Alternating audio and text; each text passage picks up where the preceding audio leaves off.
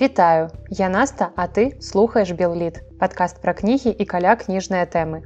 Сённяшні выпуск другі ў цыкле асобы і кожны выпуск гэтага цыкла я прысвячаю жыццю і творчасці аднаго беларускага пісьменніка. І герой сённяшняга выпуска гэта Владзімир Дубоўка. І я так доўга рыхтавала гэты выпуск, што цяпер проста не магу перастаць жыць жыццём дубоўкі. У мяне нейкія в'етнамскія флэшбэкі, ад якіх я сярод ночы прачынаюся. І я радуюся, што нарэшце магу запісаць гэты выпуск, каб трохі выпусціць гэта сябе, падзяліцца з вамі і няхай цяпер вам сніцца дубоўка. Выпуск атрымаўся даволі вялікім. Я зараз гляджу на сцэнарый, які складаецца з 24 старонак і мне здаецца, што гэта хутчэй за ўсё будзе выпускі два, а можа нават і тры. Хаця не, я мабыць зраблю проста два доўгія выпускі, у якіх я пастараюся як мага больш поўна расказаць вам пра жыццё і творчасць уладзіміра дубоўкі. Дарэчы, адразу цікавы факт, што у даследчыкаў няма еднасці наконт дакладнага года нараджэння дубоўкі, бо, напрыклад, у аўтабіяграфіі, якая называецца сярод людзей добрых, ён сам называе менавіта 1900 год. Праўда, архівісты даследчык Наталля Казапалянская вырашыла наўпрост пайсці ў нацыянальны гістарычны архіў, там якраз захаваліся метрычныя кнігі па манькавіцкай царкве, да якой адносілася вёска агароднікі, у якой дубоўка і нарадзіўся. І я ўяўляю рэакцыю іншых даследчыкаў, маўляў, а що так можна было. І з метрычнага запісу ўсё ж таки высветлілася, што дубоўка нарадзіўся 2 ліпеня паводле старога стылю 1901 года у вёсцы агароднікі. Гэта атрымліваецца 15 ліпеня паводле новага стылю. І такім чынам, згодна з гэтым запісам менавіта сёлета спаўняецца 120 гадоў з дня нараджэння гэтага выдатнага беларускага паэта. Але увогуле як так здарылася што ўзніклі цяжкасці з датай і вось гэтая самая даследчыца казапалянска яна лічыць што магчыма усіх узману вялі самі бацькі паэта яны спецыяльна накінулі сыну гадок каб ён напрыклад раней пайшоў у школу. Але і гэтая інфармацыя на можа быць недакладнай і прычынай магло быць увогуле што заўгодна і я думаю што даследчыкам дубоўкі ёсць чым заняцца ў наступныя гады. Народжаны разам з векам, Владзімир Дубоўка вынес на сваіх плячах увесь ягоны цяжар. І знішчальную рамантыку рэвалюцыі і велічную ліхаманку пабудовы нацыянальнай культуры і крывавыя кола рэпрэсій і цяжкі час кампрамісаў і прыстасаванню. Тры чвэрці стагоддзя. Самага цяжкога з усіх пражытых чалавекам стагоддзяў Владзімир Дубоўка прайшоў хвіліну ў хвіліну з гісторыяй. Так напісала Ганна северынец ва ўкладзенай ёй кнізе Владзімир Дубоўка ён і пра яго. А літаратуразнаўца Людміла Сінькова ў адным сваім артыкуле адзначыла. А філасофскі інтэлектуальны патэнцыял дубоўкі, можна сказаць, гарантаваў беларускай культуры такое ўзыходжанне, абяцаў новага генія. І ці атрымалася і ці з'явіўся ў нас новы геній, а калі не, то што яму перашкодзіла, мы будзем разбірацца зараз і ў наступных выпусках. Такім чынам нарадзіўся Владзімир Дубоўка 15 ліпеня 1901 года у вёсцы агароднікі вілейскага павету віленскай губерні. Цяпер гэта пастаўскі раён віцебскай вобласці і хаты дзе ён нарадзіўся ўжо няма там толькі трава расце а зямлёй гэтай валодае яго ўнучаты пляменнік які зруб хаты прадаў а сам з'ехаў у паставы. Праўда гэтая хата ўсё роўна не была аўтэнтычнай хоць на ёй усталявалі мемарыяльную дошку але ж у 42 годзе вёска гароднікі была спаленая хата таксама была спалена і яе адбудоўвалі наноў і на ўездзе ў вёску ў 2018 годзе быў усталяваны памятны камень Маці і бацька дубоўкі былі звычайнымі сялянамі, але бацька Миколай Тодарович потым падаўся ў рабочыя на сезонную працу. Ён працаваў на манькаўскім бровары князя друцкага любецкага.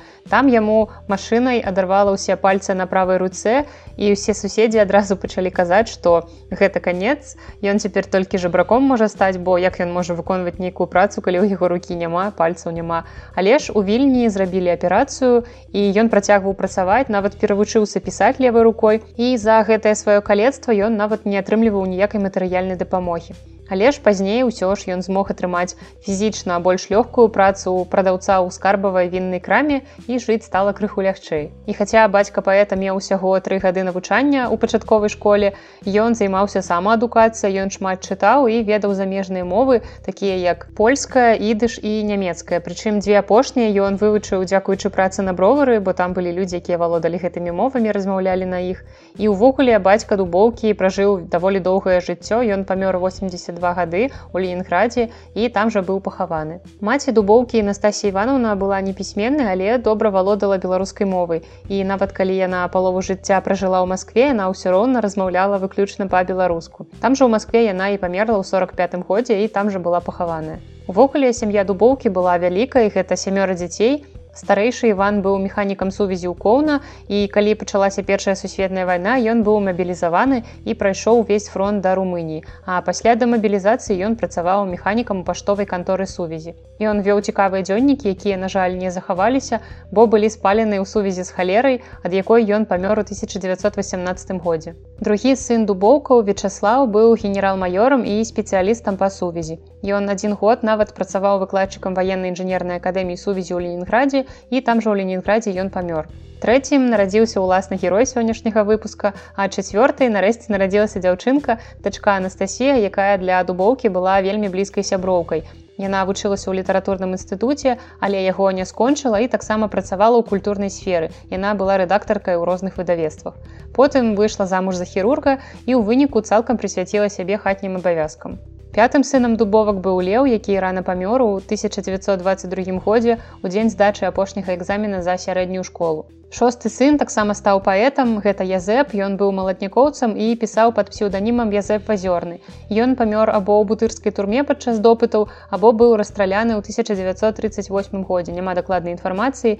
І ў лісце да літаратуразнаўцы Юр'яна Пшыркова дубоўка пісаў, што вершаў брата не чытаў, таму нічога не можа сказаць і таксама адзначаў, што брат ягоны быў завербаваны ворагамі дубоўкі ў свой стан і пазней я трошки раскажу яшчэ пра такія стасункі паміж гэтымі братамі. І апошні сын дубоўкаў павел жыў у архангельскай вобласці дзе дагэтуль жывуць ягоныя нашчадкі і там ён працаваў рабочым металургам. Яшчэ ў маленстве калі дубоўка не хадзіла толькі поўзаў з ім здарыўся даволі страшны выпадак.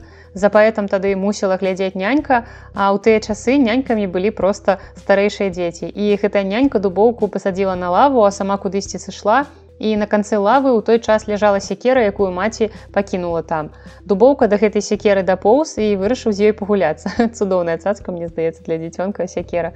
І так ён гэтую сякеру скінуў на падлогу, а так як яна была даволі цяжка, ён за ёй сам паляцеў. І лязо сякеры адсекла дубоўку больш за палову носу. Ён, вядома ж, адразу залямантаваў. На гэты гук прыбегла маці, яна пабачыла, ну даволі страшную карціну яе дзіця яно ўсё ў крыві.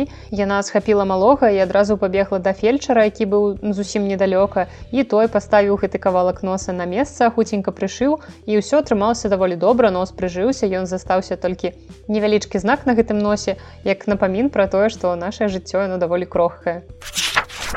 Дзяцінства дубоўкі прайшло як у звычайнага вясковага хлопца. Гэта і прырода і цяжкая праца і сельская гаспадарка і ўжо з 6 гадоў ён пачаў рэгулярна працаваць і першай працай было пасвіць гусі. Пра здарэнне у першы дзень сваёй працы ён красамоўна расказваў апавяданні мой першы працоўны дзень у зборніку пялёсткі. Але дзеці ў той час жылі не толькі працы, яны знаходзілі вядома з часы на гульні на прыгоды. Напрыклад, у аўтабіяграфіі сярод людзей добрых дубоўка расказвае, як яны хадзілі штонікамі лавіць рыбу. Яны завязвалі калашыны штонікаў і як сеткай лавілі і потым парсючкам давалі гэтую рыбу. А ў школу дубоўка пашоў рана, яшчэ не споўнілася 6 гадоў, але ён ужо ўмеў добра чытаць і таму трапіў не ў першы клас, дзе звычайна былі дзеці 8-9 гадоў, а ў падрыхтоўчы. І ў ім дубоўка адвучыўся год, потым яшчэ тры гады вучыўся ў нармальным класе звычайным і яшчэ год у чацвёртым класе, які толькі адкрылі. Першыя пяць гадоў навучання прайшлі ў манькавічах і прычым дубоўка ўжо тады вызначаўся сваімі здольнасцямі. Гэта заўважалі настаўнікі і яны заахвочвалі яго вучыцца. І школа была тады рускамоўная, бо ў тыя часы ўвогуле беларускія школы беларускай мовы ў прынцыпе былі забаронены. Праўда, ад гэтай школы ўражанні ў дубоўкі былі не найлепшыя. Напрыклад, у аўтабіяграфіі мой жыццепіс ён расказвае, што там усё навучанне грунтавалася на пабоях. Настаўнік або ставіў вучняў кут за любую драбязу або біў дубовай лінейкай і адразу згадваюцца нядаўнія наша навіны, дзе настаўніца ляснула вучня аб парту галавой. Часы змяніліся як бы але метады выхавання ў наших школах все тыя ж. І ў гэтай школе старэйшыя вучні перапісвалі ў шыткі ад рукі беларускія вершы іх это ўсё прыносілі ў школу і там сярод вершаў можна было сустрэць творы бахушевіча і купалы і дубоўка быў пад вялікім уражаннем ад гэтага прачытанага ён ганарыўся тым што творы якія напісаныя па-беларуску на мове якую паны здаецца назвалі хамскай мужыцкай і што гэты твор яны гучаць так прыгожа і не горш зусім за творы на панскіх мовах. У невялічкай кнізе о Беларусь мая шыпшына на радзіме владимиры дубоўкі, якая выйшла ў 2007 годзе ігра пракапович піша. Побач з крамай да сярэдзіны 80-х гадоў мінулага стагоддзя знаходзілася школа. у якой у пачатку стагоддзя вучыўся вядомы беларускі пісьменнік уладзімир дубоўка. Аднак змяншэнне колькасці дзяцей прывяло да таго, што школу зачынілі. Паступова з дапамогай людзей будынак пачаў разбурацца. На сённяшні дзень ад школы нічога не засталося, а на тым месцы, дзе яна стаяла, знаходзіцца дача. Потым з 1912 па 1914 год дубоўка вучыўся ў мядзельскім двухкласным вучылішчы. І пра гэтую навучальную установу адрозненне ад папярэдняй у дубоўкі засталіся толькі пазітыўныя ўражанні. Тут ужо настаўнікі не дазвалялі сабе падымаць руку на вучняў. І ў час навучання ў гэтай школе дубоўка асабліва вылучаўся па матэматыцы. І ў той жа час ён пачаў выпісваць газету наша ніва, чым вельмі занепакоіў мясцовага ўрадніка, бо той на пошце ўбачыў, якая прэса да дубоўку прыходзіць і пайшоў да бацькі паэта адразу скардзіцца, маўляў, што вы нейкія тут крамольныя газеткі выпісваеце. Зразумела, пасля гэтага нашу ніву пошты яны выпісваць перасталі, але атрымлівалі яе з вільні, там сусед прывозіў адразу некалькі нумароў. Таксама сам дубоўку успамінаў, што менавіта тут у мядзельскім вучылішчы ён прачытаў столькі мастацкай літаратуры, як нідзе больш ні да таго ні пасля. Прычым ён кнігі браў не ў бібліятэцы, бо ў яе не было там у прынцыпе, ён усё пазычаў у людзей, бо многія мясцовыя хлопцы яны вучыліся і працавалі ў пецербургу і таму яны прывозілі адтуль дадому шмат кніг і часопісу. І гэта ўсё дубоўка чытаў прычым часцей за ўсё рабіў гэта па начах і мне падаецца што гэта самы прыемны час для чытання. І мне падаецца што у наш час калі мы маем доступ практычна да любых кніг мы гэта неяк перасталі цаніць мы перасыціліся і ўсё гэта ўспрымаем як належнае. Вось я працую ў кнігарні і часта сустракаю людзей якія кажуць няма чаго чытаць. Я гэтага зразумець не магу бо чувакі у вас ёсць інтэрнэт з кучай спісаў чтобы пачытаць а вы тут сабе дазваляеце такія енкі я наадварот думаю дзе б мне здабыць такі махавік часу як быў у герміёны ў гарыпотары каб чытаць яшчэ больш. І дубоўка з вялікай любоўю гэты час успамінае бо ён чытаў усё што мог дастаць у яго быў час на чытанне і было шмат кніг вакол. Ён пералічвае імёны аўтараў і крыху саромецца, што не меў ніякай сістэмы, ён чытаў усё запар і кажа, што самае вялікае ўражанне на яго тады зрабілі творы жуля верна. І тут я цалкам яго разумею, бо сама зачытвалася ім дзяцінстве і цяпер таксама задавальненнем перачытваю. У кастрычніку 14 -го года дубоўку паступіў у новавілейскую настаўніцкую семінарыю і ў гэты час яго захапленне літаратурай нарэшце выйшло на першы план. Ён па гэтым прадмеце вучыўся добра і адзін з выкладчыкаў нават паравіў яму пасля заканчэння семінарыі абавязкова прабівацца на гісторыка-філалагічны факультэт. Але, на жаль, на той час ужо пачалася першая сусветная вайна і хлопцу давялося эвакуявацца і таксама гэта зрабілі ягоныя бацькі. І так дубоўка апынуўся ў горадзе Невель у 1915 годзе потым яны пераехалі ў Маскву і там бацька ўладкаваўся рабочым інструментальшчыкам на першым участку пуці беларускай чыхункі і там ён працаваў амаль да смерці на чыхунцы паспеў папрацаваць і сам дубоўка калі іх датэрмінова выпусцілі семінарыю ў канцы лютага 18 -го года. І да гэтага ён яшчэ 17 па 18 год працаваў сакратаром вучнёўскага камітэта семінарый. І калі зірнуць у атэстат семінарыі то адзнакі там былі і так сабе. Адзіная выдатная адзнака па маляванні патрабаванні і пачарчэнні, затое тройкі па законе Божым фізіцы, прыродазнаўстве, геаметрыі і трыганаметрыі. І спяваў ён таксама на троечку. А ўсё астатняе было з чацвёркамі, гэта педагогіка, руская мова літаратура, алхіпра, геаграфія і гісторыя. А пасля ён прыйшоў беларускі нацыянальны камісарыят з просьбай, каб яго паслалі настаўнікам на Беларусь. Але там дубоўку сказалі. У даны момант гэта немагчыма. Беларусь занята ворагам. Заходзьце крыху пачакаўшы. Пасля гэтага дубоўка падаўся ў маскоўскі універсітэт і ён нават паспеў там два месяцы пабыць студэнтам гісторыка-філалагічнага факультэта. Але яму было ўжо не да вучобы, бо трэба было дапамагаць сям'і, таму замест універсітэта дубоўка ўзяўся за працу. Ён паехаў настаўнічаць у навасільскі павет былой тульскай губерні. Запіс у працоўным спісе дубоўкі сведчыць, што 15 лістапада 1918 года ён быў прызначаны школьным работнікам новаслабодскай школы першай ступені навасільскага павета тульскай губерні да 7 ліпеня 1920 года. Ну вы разумееце, што гэта знаёмая сучасным студэнтам адпрацоўка на два гады. На агульным сходзе вёскі ў дубоўкі спыталі, чаму ж ён будзе навучаць іх дзяцей і дубоўка адказаў. Вядома, чаму буду вучыць іх чытаць, пісаць, лічыць, быць добрымі памочнікамі і бацькам і сваёй радзіме.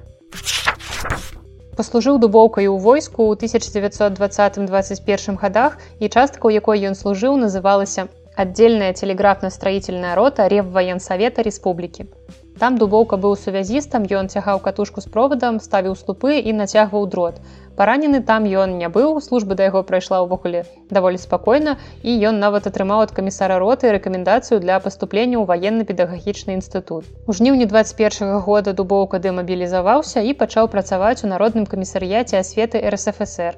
Ён быў метадыстам і цэнтральным інспектарам беларускіх школ. І таксама ў той жа час ён паступіў нарэшце на вучобу ў вышэйшы літаратурна-мастацкі інстытут і там яго акружала проста неверагодная колькасць таленавітых людзей. Напрыклад, ён слухаў лекцыі луначарскага і таксама меў блізкія кантакты з паэтам брусавым, намаганнямі якога ўвогуле гэты інстытут і быў створаны. І той, дарэчы, быў добра абазнаны ў беларускай літаратуры і перакладаў на рускую мову вершы янкі купала. Увогуле брусаў прыцягнуў да працы ў інстытуце найлепшыя выкладчыцкія кадры, гэта і літаратуразнаўцы, мастацтвазнаўцы і гісторыкі. І сам ён чытаў лекцыі па антычнай літаратуры і вершаскладанні. Увогуле ў інстытуце панавала атмасфера творчасці, мастацтва і маладога вольнага духу. І ў цэлым двадцатыя гады былі даволі актыўным перыядам у жыцці дубоўкі, бо акрамя пералічанага ён рабіў яшчэ мноства спраў. Ён быў навуковым сакратаром кабінета паэтыкі, працаваў паўнамоцным прадстаўніцтве БССР пры ўрадзе РСФСР, быў лектарам у камуністычным універсітэце народаў захаду, дзе выкладаў беларускую літаратуры і таксама рэдактарам беларускага тэксту збору законаў саюза ссср на той час у москве было даволі актыўнае беларускае жыццё і навучальную установу поўніліся навучэнцамі з беларусі. Усе гэтыя беларусы москвы часта сустракаліся ладзілі культурныя вечары са спевамі і танцамі і чыталі вершы У лістападзе 23 -го года было створанае літаратурнае аб'яднанне маладняк і ў 24 годзе дубоўка ўзначальваў цэнтральнае бюро гэтага аб'яднання, а таксама кіраваў маскоўскай філіяй і рэдагаваў часопіс маладняк. І ў гэтым жа годзе ён упершыню прыехаў мінск, і нарэшце асабіста пазнаёміўся з многімі беларускімі аўтарамі.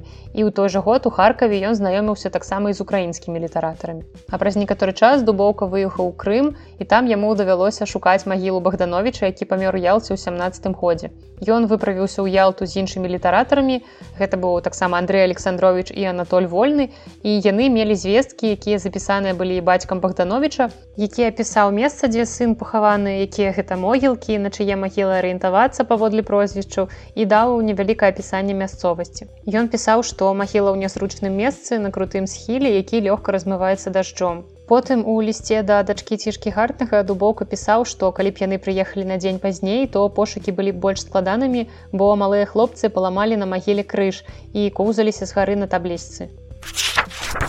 1923 по 1925 год дубоўка працаваў выкладчыкам у Маскве ў камуністычным універсітэце народаў захаду на беларускім сектары. Выкладаў ён беларускую літаратуру зразумела. У канцы 26 -го года ў Маскве пры цэнтральным беларускім клубе была заснаваная асацыяцыя па вывучэнні беларускай мастацкай літаратуры. І там дубоўка быў сярод заснавальнікаў і ў тым жа ходзе ён ініцыяваў выданне спецыяльнага зборніка да 20годдзя літаратурнай працы Якуба коласа, якое дарэчы сам колас ацаніў даволі высока. І дарэчы, пазней пасля вайны сам колас хадайнічаў перад пракуратурай ССР аб рэабілітацыі дубоўкі.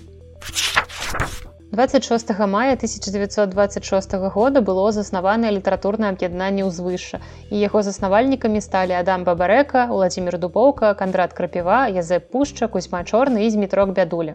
Яны падпісалі статут і дэкларацыю і пачакаўшы да гэтага статута дэкларацыі далучыліся таксама Пятро глебка і Масім лужанін. І калі ўзвышша пачало выдаваць аднайменны часопіс, з ім пачалі таксама супрацоўнічаць іншыя многія пісьменнікі. Станіслава плашчынская жонка Язэпа пушчы успамінала, што да свайго часопісу ў хлопцы ставіліся як да дзіцяці, яны яго вельмі любілі, песцілі і ў дзень выхаду з друку нават дзяжурылі ноччу ў друкарні. А выхад першага нумару яны адзначалі ў рэстаране з шампанскім. І дубоўка пісаў, што дзень заснавання аб'яднання яны адзначалі штогод і нават у беларускіх адрыўных календарах дата паказвалася як афіцыйная дата. З вясны 27 -го года пачала друкавацца беларускамоўная двухтыднёвая старонка газеты гудок под назвай на беларусі. Яна асвятляла грамадскае эканамічнае культурнае жыццё рэспублікі і рэдактарам быў владимир дубоўка. Таксама ў тыя часы ён наведваў розныя літаратурныя вечары, у якіх удзельнічалі розныя вядомыя рускія паэты, напрыклад ясені на бома якоўскі і з імі дубоўка неаднаразова сустракаўся асабіста. Пачатак уласнай літаратурнай дзейнасці дубоўкі можна аднесці да 1921 года, калі яго вершы трапілі ў рэдакцыю газеты савецкая Беларусь. Праўда, яны не выклікалі асаблівага ажыятажу сярод супрацоўніку і праз некаторы час дубоўка атрымаў ад газеты такі адказ. Рэдакцыя дастала вашы вершы. Надрукаваць жа іх нельга, бо яны слабыя.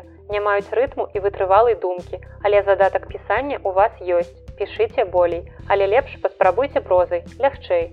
На шчасце газета была даволі непаслядоўна і ўжо праз 6 дзён 28 мая 21 года апублікавала верш дубоўкі сонца беларусі у лісце да літаратуразнаўцы змітрыя бугаёва ў 63 годзе дубоўка пісаў пра гэтае першае выступленне ў друку так як мне помніцца Я тады паслаў некалькі вершаў, якія з нацяжкай можна было б назваць лірычнымі, але рэдакцыя выбрала якраз верш з грамадскім ухілам. Але гэтая публікацыя ў савецкай беларусі ўсё ж запусціла працэс і ўжо ў наступным ходзе ў друку з'явіліся пераклады вершаў байрана, зробленыя дубоўкам. А далей таксама ўласныя вершы дубоўкі пачалі друкаваць часопісы маладняк і поламі. І нарэшце, як той казаў, ён дарос да ўласных кніг. Зараз я не буду падрабязна іх разглядаць, бо моя мэта пакуль што проста пазнаёміць вас сутнасцю творчасці дубоўкі, каб ужо далей вы самі натхніліся на ўласна прачытанне зборнікаў, а потым, магчыма, і звярнуліся да крытычных матэрыялаў.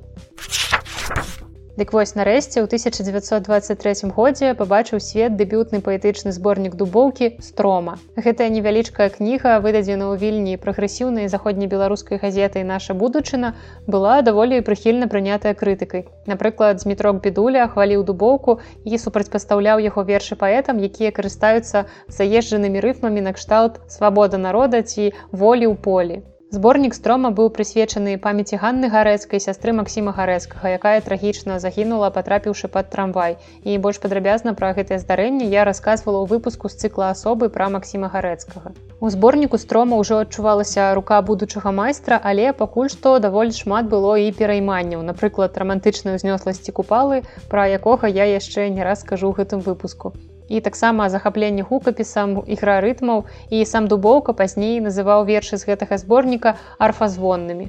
Ужо з большай сілай творчая індывідуальнасць паэта загаварыла пра сябе ў наступных зборніках, там дзе кіпарыцы 25 -го года, трысцё 25, крэда 26 і наля 27. Першыя тры выйшлі ў мінску, а апошні наля выйшаў у Маскве. Гэтыя зборнікі складаюцца з твораў 22-26 гадоў і гэты перыяд, калі і дубоўка быў сябрам літаратурнага аб'яднання маладняк і да таго ж адным з яго лідараў. І вершы паэмы ў гэтых зборніках тыпова маладнякоўскія. Там ёсць пафасы рамантыка, услаўленне кастрычніцкай рэвалюцыі, куды ж без гэтага і дэкларацыйнасць таксама спрошчанасць у паказе псіхалогіі лірычнага героя большая масавасць калі чуваць адразу мноства галасоў а не нейкія пэўныя канкрэтныя індывідуальныя і няма глыбокага пранікнення ва ўнутраны свет чалавека дубоўка быў даволі рамантычна пафасным і яго цягнула да чагосьці незвычайнага.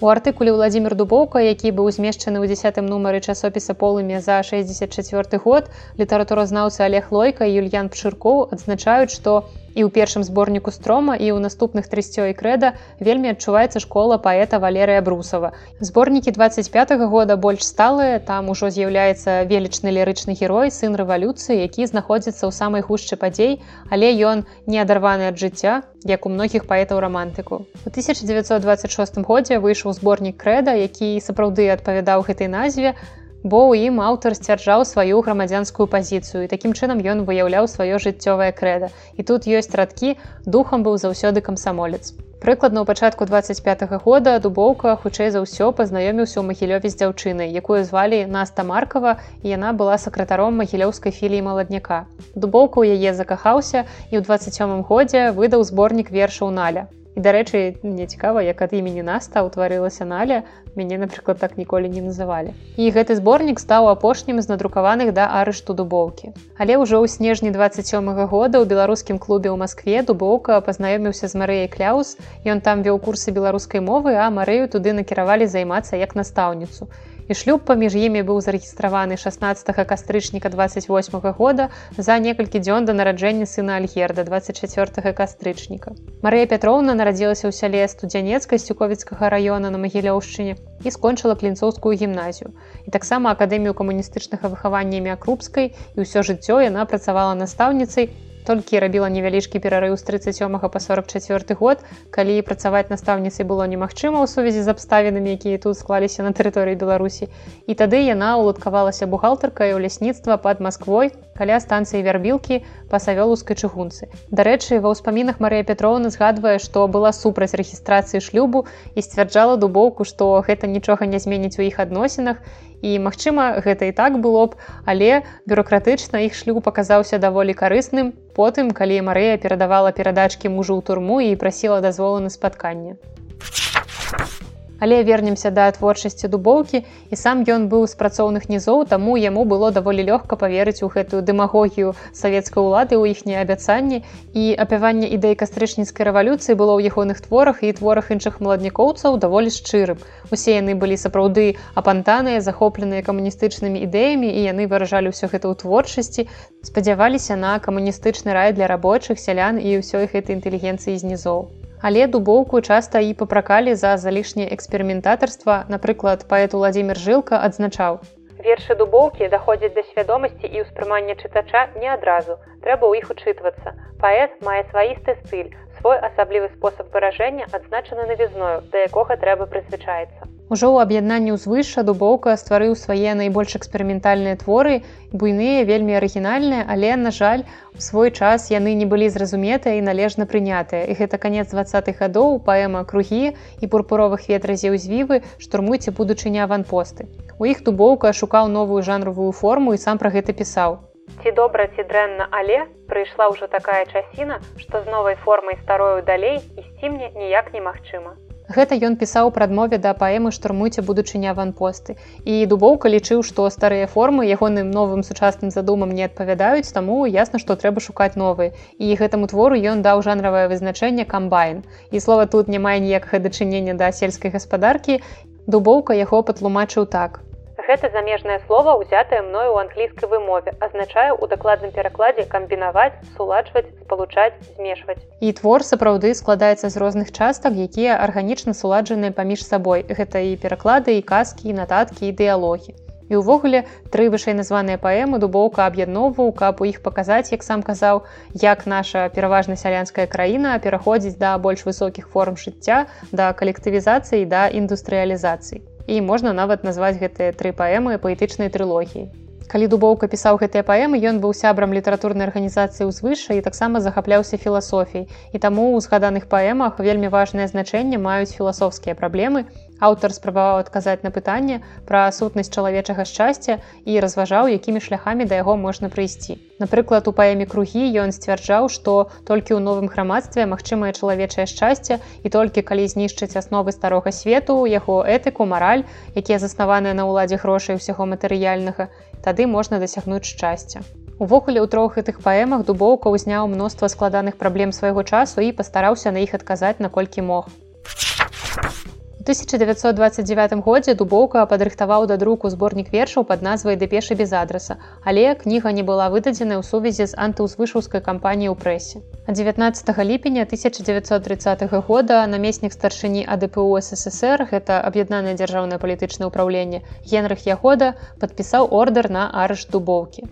За написание и распространение антисоветского и антибольшевистского стихотворения «За все страны, за все народы», подписанного псевдонимом Янка Кривичанин, постановляю срочно арестовать гражданина В.Н. Дубовка, проживающего по улице Малая Грузинская, дом 34, квартира 13. Згаданы верш за ўсе краі за ўсе народы свету яшчэ ў ліпені 27 -го года быў надрукаваны ў віленскім часопісе беларуская культура, а напісаны 29 верасня 26 -го года. Ну надрукавалі, у прынцыпе надрукавалі, можа быць да ССР гэты часопісы не дайшоў бы і верш прайшоў бы неяк незаўважаным, але з кастрычніка гэтага ж года яго пачалі з руку рукі перадаваць сярод мінскай творчай інтэлігенцыі і такім чынам ён дайшоў да АДПУ. Адзін з супрацоўнікаў, які, магчыма, быў самым творчым, ён нават яго пераклаў на рускую мову і даслаў Маскву. Там адразу пачалі варушыцца, даволі хутка выйшлі на дубоўку, а ён ужо ў іх быў даўно на ўліку, выклікаў, як той казаў аператыўны інтарэс. А да сучасных чытачоў гэты верш дайшоў толькі ў 95 годзе, быў надрукаваны ў газеце літаратуры і мастацтва 10 лістапада. Верш быў напісаны як рэакцыя на пытанне аб тэрытарыяльнай цэласнасці Беларусі. Ну вы разумееце, што гэта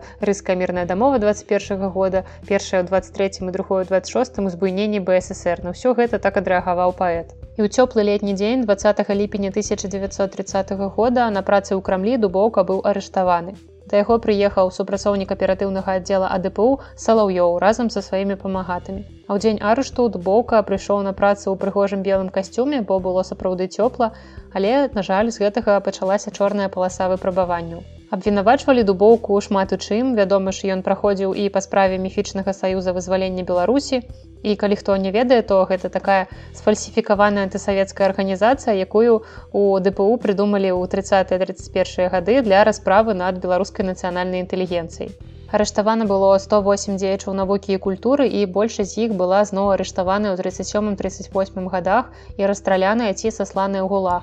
А калі чалавек і прайшоў праз лагеры і выжыў, то ён зноў быў арыштаваны ў 49-52 годах. Дарэчы, прыстойнасць чалавека можна было якраз вызначыць па тым, ці інкрымінуюць яму ўдзел у гэтым саюзе. І калі ён праходзіць па гэтай справе, то нармальна ўсё варты чалавек можна давяраць. І толькі ўдумайцеся, якія людзі былі абвінавачаны з гэтым саюзам вызвалення Беларусі. Гэта і Янка купала, Якуб колас і Адам Бабарэка, Масім гарэцкі, ластоўскі лёсік і ўвогуле можна доўга гэта імёны пералічваць гэта як 23-34 24 у наш час. У манаграфіі пра дубоўку літаратуразнаўца Дмітрый Бугаёў піша. Талінскія турэмшчыкі куды больш прыхільна ставіліся да крымінальнікаў, а з палітычнымі вязнямі, так званымі ворагамі народа, не цырымоніліся. Тут іх лютасць не ведала межаў. Вось гэта прачытаўшы, я проста здрыганулася, як гэта сугучна з нашай цяперашняй сітуацыі і часы як бы іншыя, але турэмшчыкі засталіся тымі ж. У снежанскім нумары газеты чырвоная змена за 30 год быў надрукаваны ліст у рэдакцыю, які напісаў брат дубоўкі той самы язэп вазёрны і там ёсць такія радкі.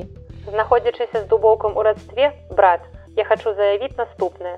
Я выхаваўся і выхоўваюся ў шэрагах ленінскага камсамолу і ніколі думак брата на нашу сучаснасць на расгорнутае сацыялістычнае будаўніцтва не падзяляў і не падзяляю лічу сваёй буйнай палітычнай памылкай тое што да гэтага часу не ўсвядоміў усяе шкоднасці яго пазіцыі ў літаратуры не заявіў аб гэтым ні ў камсамольскай арганізацыі ні ў друку.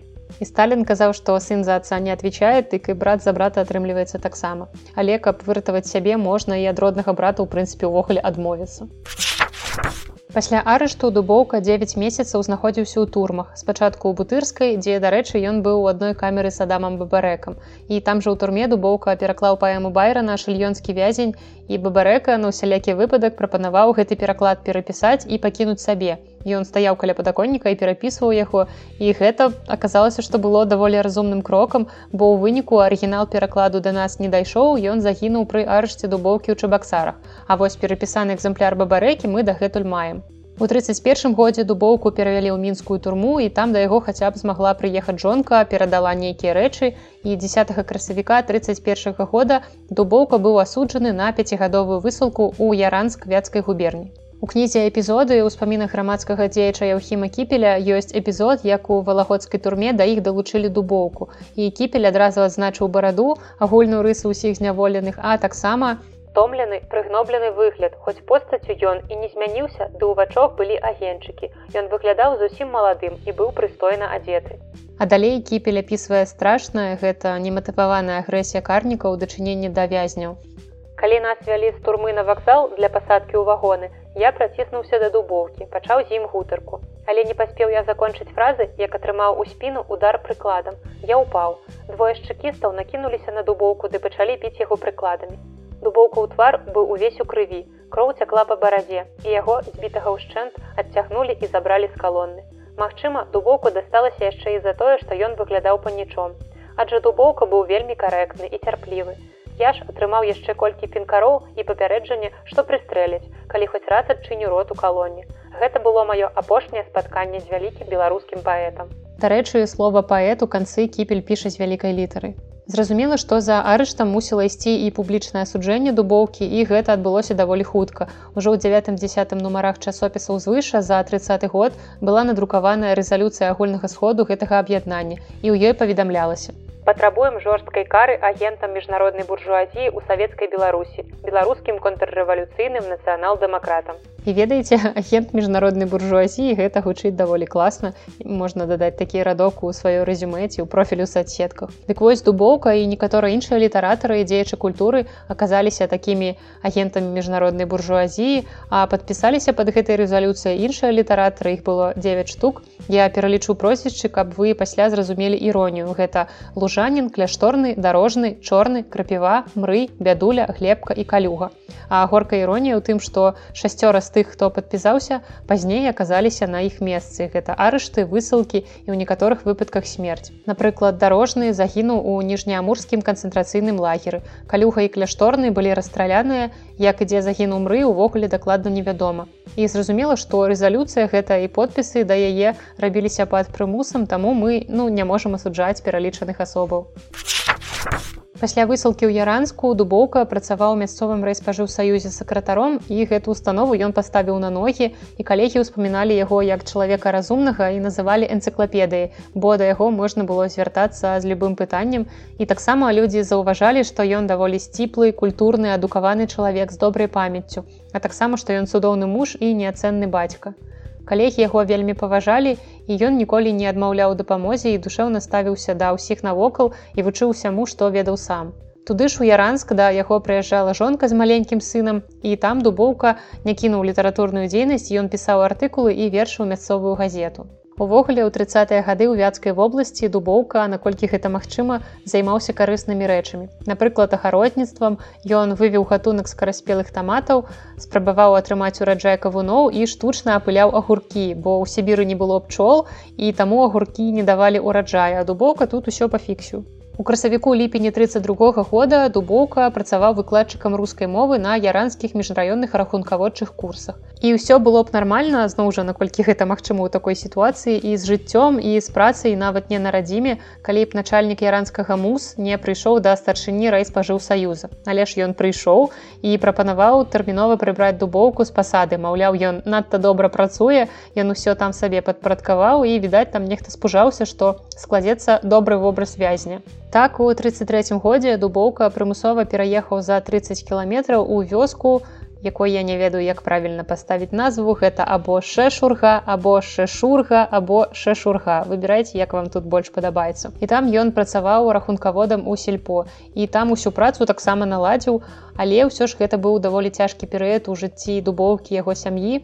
Там былі дрэнныя умовы, праблемы з ежай і таксама хварэла жонка, што пагаршала ўсё разам. І ў кастрычніку 34 -го года дубоўку перавялі ў чабаксары і ў ліпені 35 -го года тэрмін высылкі падоўжылі яшчэ на два гады. І аказалася, што гэта зрабілі для ўсіх высланых па справе саюза вызвалення Беларусі. І калі падоўжылі адзін раз, то няма гарантыі, што гэтага не зробіць яшчэ і яшчэ, бо там ва ўладзе, як мы ведаем, любяць розныя тэрміны працягваць да бясконцасці. Жонка дубоўкі ўспамінала, як муж адрэагаваў, калі даведаўся пра новы тэрмін. Памятаю ён апусціўся на падлогу абняў руками калені і сядзеў так думаючы цяжкую думу. Такім чынам дубоўка жыў у чабаксарах да ліпеня 37 -го года і яго ўладкавалі працаваць у чуваш саюз тэхнічным сакратаром у юрыдычную частку а жонка ў сярэдзіне навучальнага года настаўніцы не змагла ўладкавацца таму яна пачала працаваць педолагам пры школьнай прафілактычнай амбулаторыі. І кватэру ім таксама выдзелілі праўда на ўскраіне горада і даволі далёка ад працы. Увесь гэты час дубоўка займаўся літаратурнай дзейнасцю ён перакладаў напрыклад все таго ж байрана і пісаў свае творы. Але на жаль падчас арышту ў чабаксарах у 37 годзе ўсё было канфіскавана і зразумела што з канфіскаванага абсалютна нічога не захавалася 28 ліпеня 37 -го года ў доме дубоўкі быў вопшук, прычым жонка адзначала, што больш глядзелі не на рэчы, а на рукапісы і на кнігі і забралі ўсё напісанае рукой паэта. І такім чынам да нас не дайшла пэўная частка творчай спадчыны дубоўкі і тады ж дубоўку арыштавалі. А калі і жонка паспрабавала даведацца за што ёй адказвалі коротко. Вырашыла Масква. І таксама казалі вельмі страшная 10 год далёкіх лагераў. І на такой страшнай ноце я заканчиваю першую частку выпуска пра владимира дубоўку пра ягоны далейшы лёс. Вы зможаце даведацца ў наступным выпуску які выйдзе ўжо зусім хутка. А на гэтым я развітваюся. З вами была наста і падкаст белліт да сустрэчы